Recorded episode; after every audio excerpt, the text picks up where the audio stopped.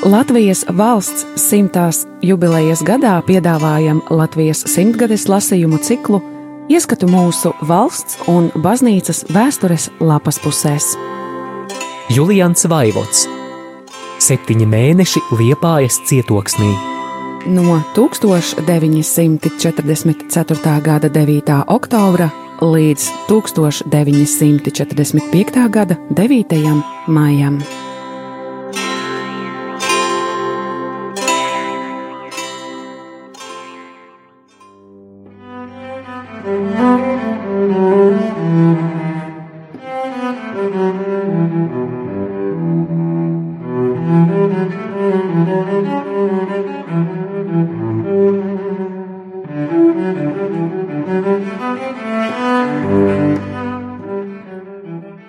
Šodien pēdējais lasījums no Juliāna Vaivoda grāmatas Septiņi mēneši Liepājas cietoksnī. 1945. gada 8. maijā. Jau no agra rīta virs pilsētas pastāvīgi rūca vācu lidmašīnas, un bija tāds iespējas, ka lidmašīnās notiek vācu bēgšana no liepājas, jo mašīnas gāja vienā virzienā. Vēlāk sākās uzlidojums Liepājai un tika vairāk kārt izsludināta trauksme.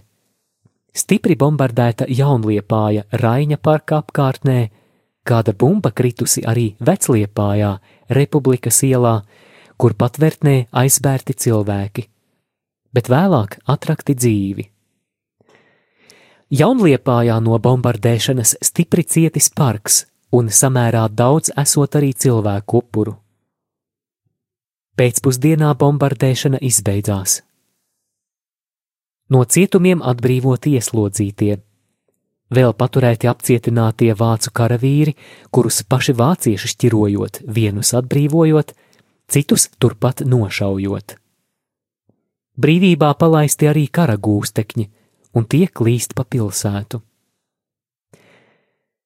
Pēcpusdienā sākās noliktavu izlaupīšana. Visos virzienos cilvēki kā skudras virzās pa ielām apkrauti maisiem, kastēm un vispār mantām dažādākos iesaiņojumos. Pie izlaupāmām noliktavām notiekot briesmīga burzma un spiešanās. Grūti esot tikt klāt pie mantām, bet vēl grūtāk tās iznest no noliktavas, jo ārā stāvošie ņemot nost vai draudot briesmas būt nospiestam. Notiekot arī dažādi kuriozi, kur cilvēks ar lielām mokām iznesis ārā maisu, pārliecinoties, ka iekšā smiltis, vai cerēdams maisā cukuru dabūt, dabūjis tomēr sāli. Skatoties uz mantu nesējiem, varēja tiešām pabrīnīties, cik daudz uz muguras var panest pat vecas sievietes. Citi rīkojas ar rokas ratiņiem un reizreizēm vilka vezumus mājās pat ormaņi savās raspuskās veda mantu kaudzes, uz kurām sēdēja to ieguvēji.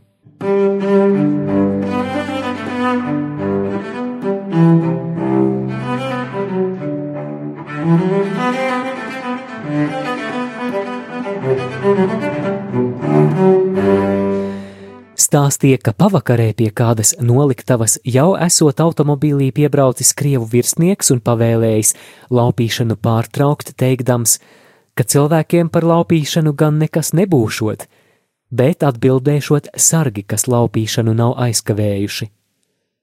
Laupīšana tomēr turpinājās līdz vēlai naktī, un mantu nesēji satiekoties ar to gribētājiem, vaļsirdīgi stāstīja, ka tur vēl ir kas dabūjams – Dažas sieviņas, atnākušas uz vakara dievkalpojumu, jau stāstīja, ka uz ielas redzējušas apbruņotus krievu karavīrus. Skaidrības tomēr nekādas nebija par to, kas pilsētā valda - krievi vai vācieši. Pēdējie gan uz ielām vēl bija redzami, bet bez apbruņojuma. Liekas, ka faktiski kapitulācija jau bija notikusi tomēr Krievu karaspēka pilsētā vēl nebija. Pašā vakarā pie manas mājas esot piebraucis vācu armijas mācītājs un gribējis laikam atdot manu līniju drošku, kuru no manis bija paņēmis, bet piebraukšanas momentā kāds apbruņots vīrietis mācītāju piekāvis, atņēmis pulksteni, sēdies droškā un aizbraucis projām. Es pa to laiku biju baznīcā un notikušo neredzēju. Iestājās baismu pilna nakts. Policijas stundu neviens neievēroja, un uz ielām sāka parādīties piedzēruši trokšņotāji, kuru klaigāšanu dzirdēja visu nakti. Viena vara pilsētā izbeigusies, un otra vēl nav ieradusies. Tāpēc neatbildīgie elementi jutās situācijas noteicēji. Šo nakti kopā ar savu amata brāli pavadīju baznīcā.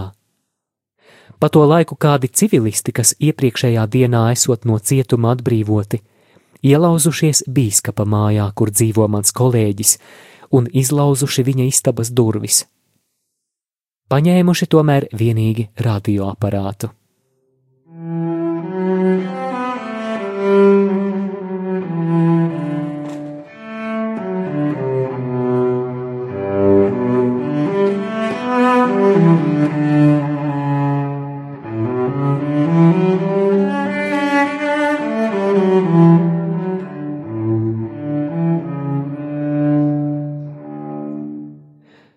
1945. gada 9. maijā.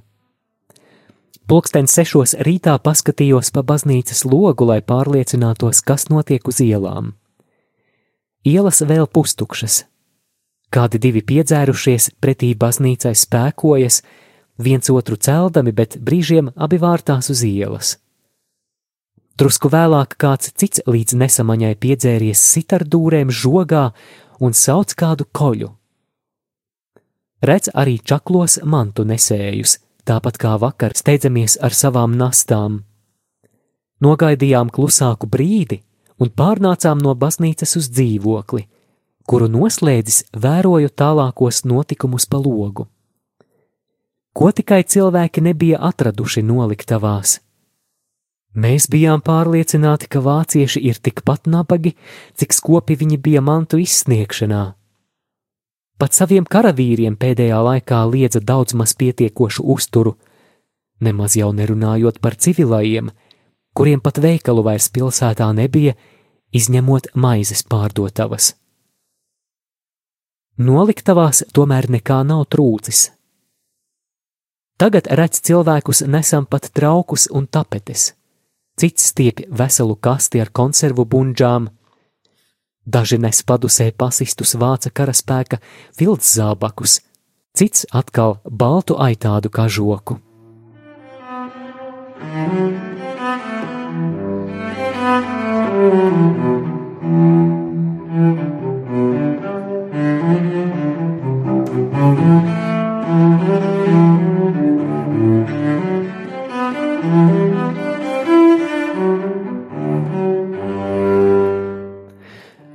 Pulksten deviņiem sāka braukt garām sarkanarmieši pajūgos un jāšas. Aizbrauc arī krievu virsnieki automobīlī un līnija droškā. Redz vēl ejam vācu karavīrus mazos pulciņos bez ieročiem. Daži apkrāvušies savām mantām virzās uz Bernātu pusi. Pilsēta pildās ar krievu karaspēku, bet civilie vēl turpina mantu nešanu. Tomēr pēcpusdienā jau parādās uz ielām sarkanarmiešu patruļas, un vienu otru ar mantām ejošu sāk aizturēt. Kāds vīrietis, piemēram, nesa glītus decimāls svarus, kādus mēdz redzēt piena veikalos.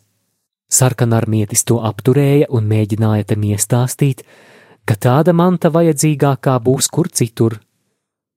Kad vīrietis tomēr gribēja ceļu turpināt, Patruļa to grieza atpakaļ un kaut kur aizveda. Citu partiju, apkrautu ar milzu maisiem un citām mantām, krievu karavīrs pavadīja uz riteņa un novirzīja uz prefektūru. Tātad civilo brīvā rīcība ap mantām jau tuvojas beigām.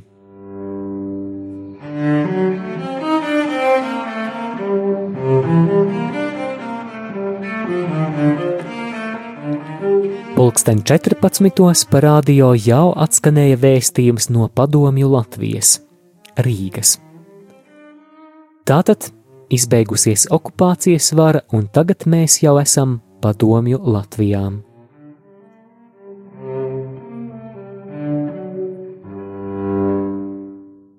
Visu dienu gaisā riņķo krievu lidmašīnas, un visapkārt dzird lielgabalu ložmetēju un mašīnu pistoļu šāvienus. Tas viss tomēr nerada vairs kara atmosfēru, bet drīzāk atgādina trokšņainas balles epilogu. Tagad sākās uzvarētāju uzdzīve, un nav jau nekāds brīnums, jo kurzemē norisinās milzīgā kara beigas. Nav vairs kur iet un ar ko karot. Končelģela guļ aizsmiela, beidzis darbu, līksmo droši. Un krievu cilvēks to prot sevišķi labi. Tagad mūsu dzīve liepājas un visas kurzemes cietoksnī ir izbeigusies – jo cietokšņa vairs nav. Tāpēc izbeidzas arī mans stāsts par to.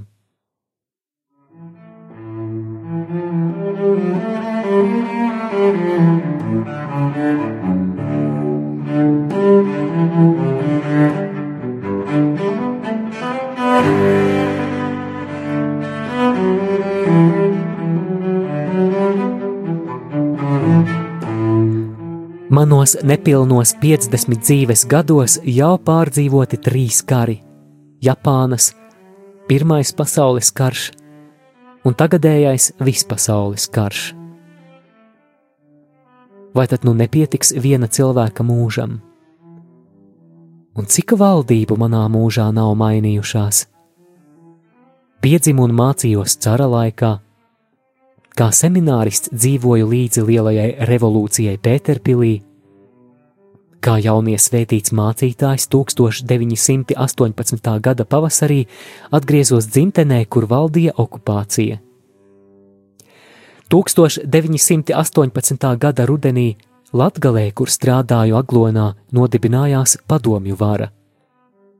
Dekāns izbrauca līdzi vāciešiem, un es vēl nepiedzīvojis jauns mācītājs paliku viens. Vēlāk nāca patstāvīgās Latvijas valsts, un es ceļoju no vienas dzimtenes draudzes uz otru. Kamēr beigās 1938. gadā tiku pārcelts uz Liepāju. Te sagaidīju un pavadīju padomju iekārtu. Te kaut ar mokām pārdzīvoju visu vācu okupācijas laiku. Dievs mani pasargāja no tās nelaimes, Kādā iekrita mans bīskaps, kam vajadzēja arestanta lomā doties uz svešu zemi? Lai labais dievs man piešķir atlikušo dzīves vakaru, mierīgi nodzīvot savā zemē un nogulties Latvijas smiltājā.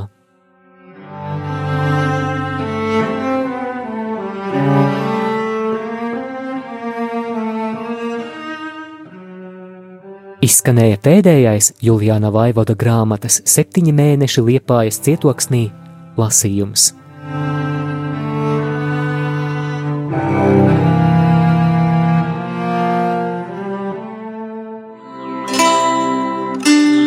Rādījā Marija Latvija ēterā Latvijas simtgadēji veltīti lasījumi.